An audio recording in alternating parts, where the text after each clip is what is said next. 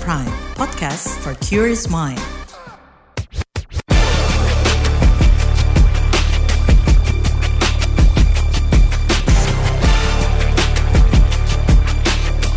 Cek fakta, cek fakta, cek fakta.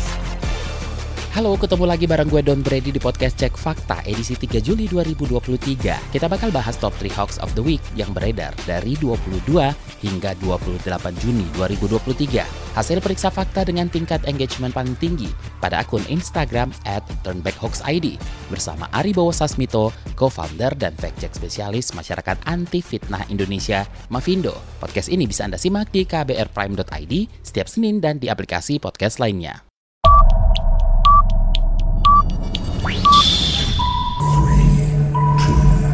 Yeah.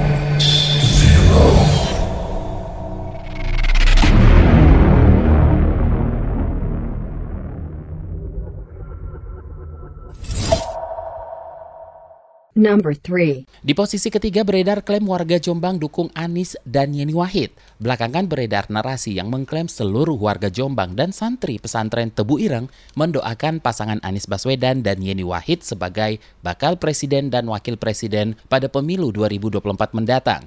Padahal cuplikan video yang diunggah bukanlah momen warga Jombang dan santri mendukung Anis dan Yeni, melainkan momen setelah Yeni mengucapkan hari ini Jakarta jadi ijo royo-royo. Video yang dimaksud bisa dilihat di akun Instagram at. Mas Ari, cuplikan video apa aja yang digunakan dan apakah ada potongan video yang sesuai dengan narasi yang diberikan? Ya Mas Don, temanya masih dalam rangka mendukung Pilpres karena tinggal setahun lagi ya. Ini masuk ke kategori konten yang dimanipulasi, manipulate konten karena sebetulnya videonya itu tidak ada yang berisi tentang seperti klaimnya ya. Seluruh warga Jombang dan santri pesantren Tebu Ireng mendukung pasangan Anies Baswedan jadi Wahid gitu karena uh, ini biasa comot-comot-comot dari beberapa video. Salah satunya itu video yang di situ kelihatan ada ucapan hari ini Jakarta jadi hijau royo-royo. Nah ini sebetulnya tidak ada hubungannya dengan mendukung capres-cawapres tertentu untuk tahun depan karena ini sebetulnya sudah pernah dibagikan dan isi videonya adalah tentang berkaitan dengan pidato di acara hari lahir Muslimat NU ke-73 di 27 Januari tahun 2019.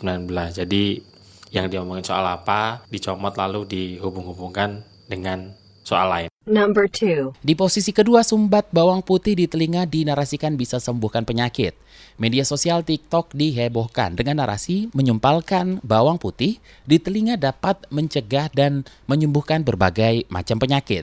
Bawang putih sendiri dikenal memiliki berbagai manfaat bagi kesehatan tubuh nih. Melansir Hello Sehat dari Kementerian Kesehatan, berdasarkan penelitian bawang putih berhasiat menurunkan kolesterol, mengendalikan tekanan darah, menyehatkan jantung, hingga menurunkan resiko kanker. Tapi caranya bukan dengan disumbatkan di telinga ya. Nama Sari, gimana nih hasil penelusuran fakta hoax bawang putih yang disumpal ke telinga?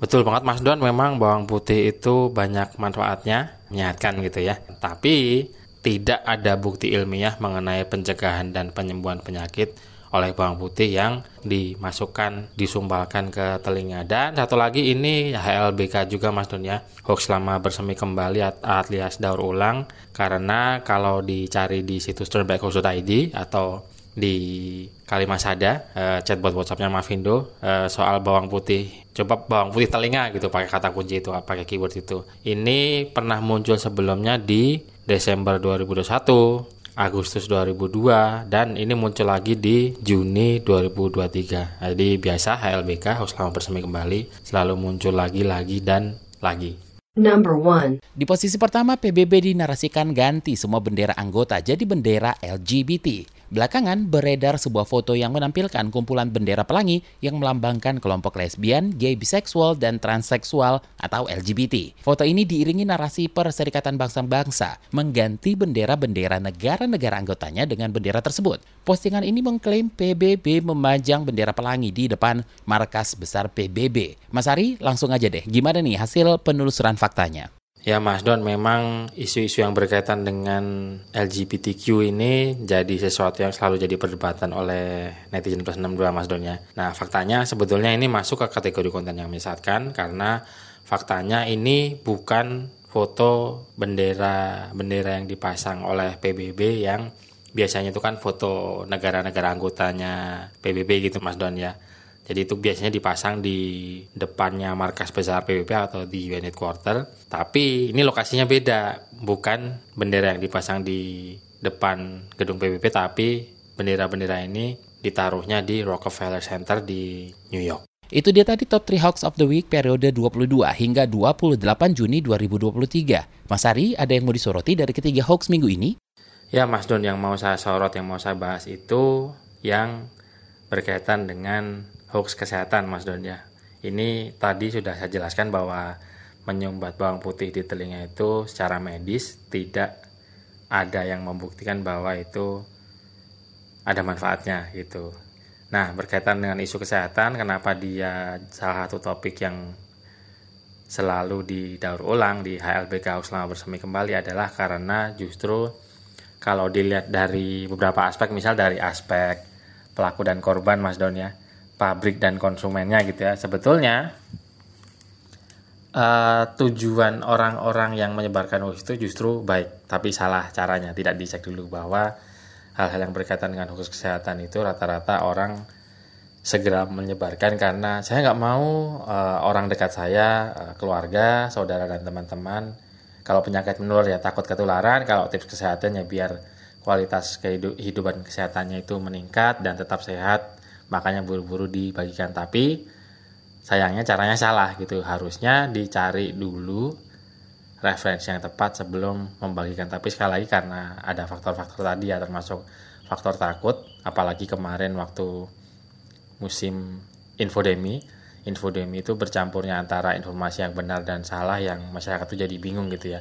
Nah di zaman pandemi kemarin infodemi itu bisa sama bahayanya atau lebih berbahaya daripada pandeminya. Jadi hoaxnya lebih ber, bisa lebih berbahaya daripada COVID-19-nya, Mas Don. Itu karena kebiasaan masyarakat yang asal nyebar berkaitan dengan hoax kesehatan bahkan di infodemi kemarin hanya dalam waktu beberapa bulan saja jumlah hoaxnya itu bisa menyaingi jumlah total hoax di tahun sebelumnya. Jadi setahun jumlahnya segitu, misalnya sebutlah uh, ratusan gitu ya. Nah di bulan-bulan infodemi kemarin uh, waktu pandemi COVID-19 itu cuma perlu beberapa bulan untuk melesat menyaingi jumlah hoax yang satu tahun gitu ya di tahun sebelumnya.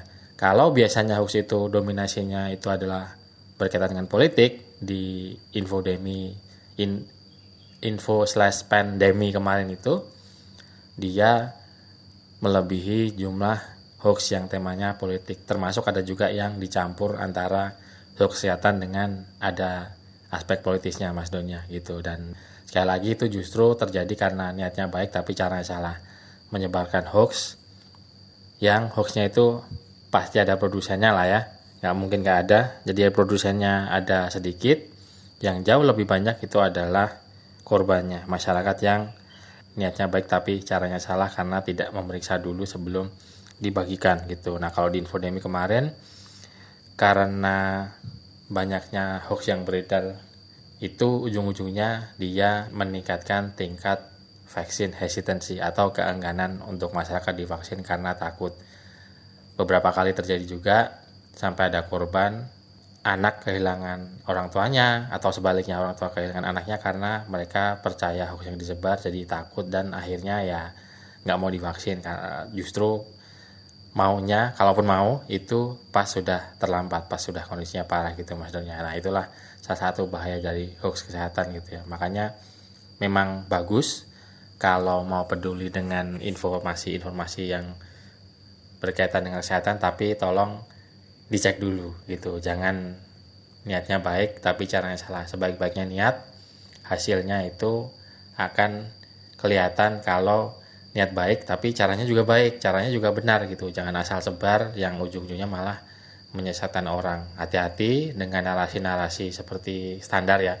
Viralkan sebarkan uh, atau yang menggunakan teknik emosi misalnya yang anda bagikan mungkin akan menyelamatkan nyawa orang lain gitu. Padahal ya justru menyebarkan hoax yang berkaitan dengan kesehatan bahayanya adalah alih-alih itu akan menyelamatkan orang tapi justru karena informasinya sesat itu pengobatan yang belum terbukti secara ilmiah malah jadi sesuatu yang menyesatkan dan akhirnya maunya menyelamatkannya orang malah menjadi penyebab orang yang meninggal. Amit-amit naudzubillah min jangan sampai terjadi seperti itu, pendengar ya. Selalu saya ingatkan jaga emosi, tahan jari, verifikasi sebelum dibagi. Saya Aribo Sasmito, co-founder dan fact check specialist Mavindo Masyarakat Anti Fitnah Indonesia. Terima kasih waktunya sudah mendengarkan. Wassalamualaikum warahmatullahi wabarakatuh. Terima kasih telah menyimak podcast Cek Fakta ini. Kami menantikan masukan Anda lewat podcast at kbrprime.id. Sampai jumpa di episode berikutnya.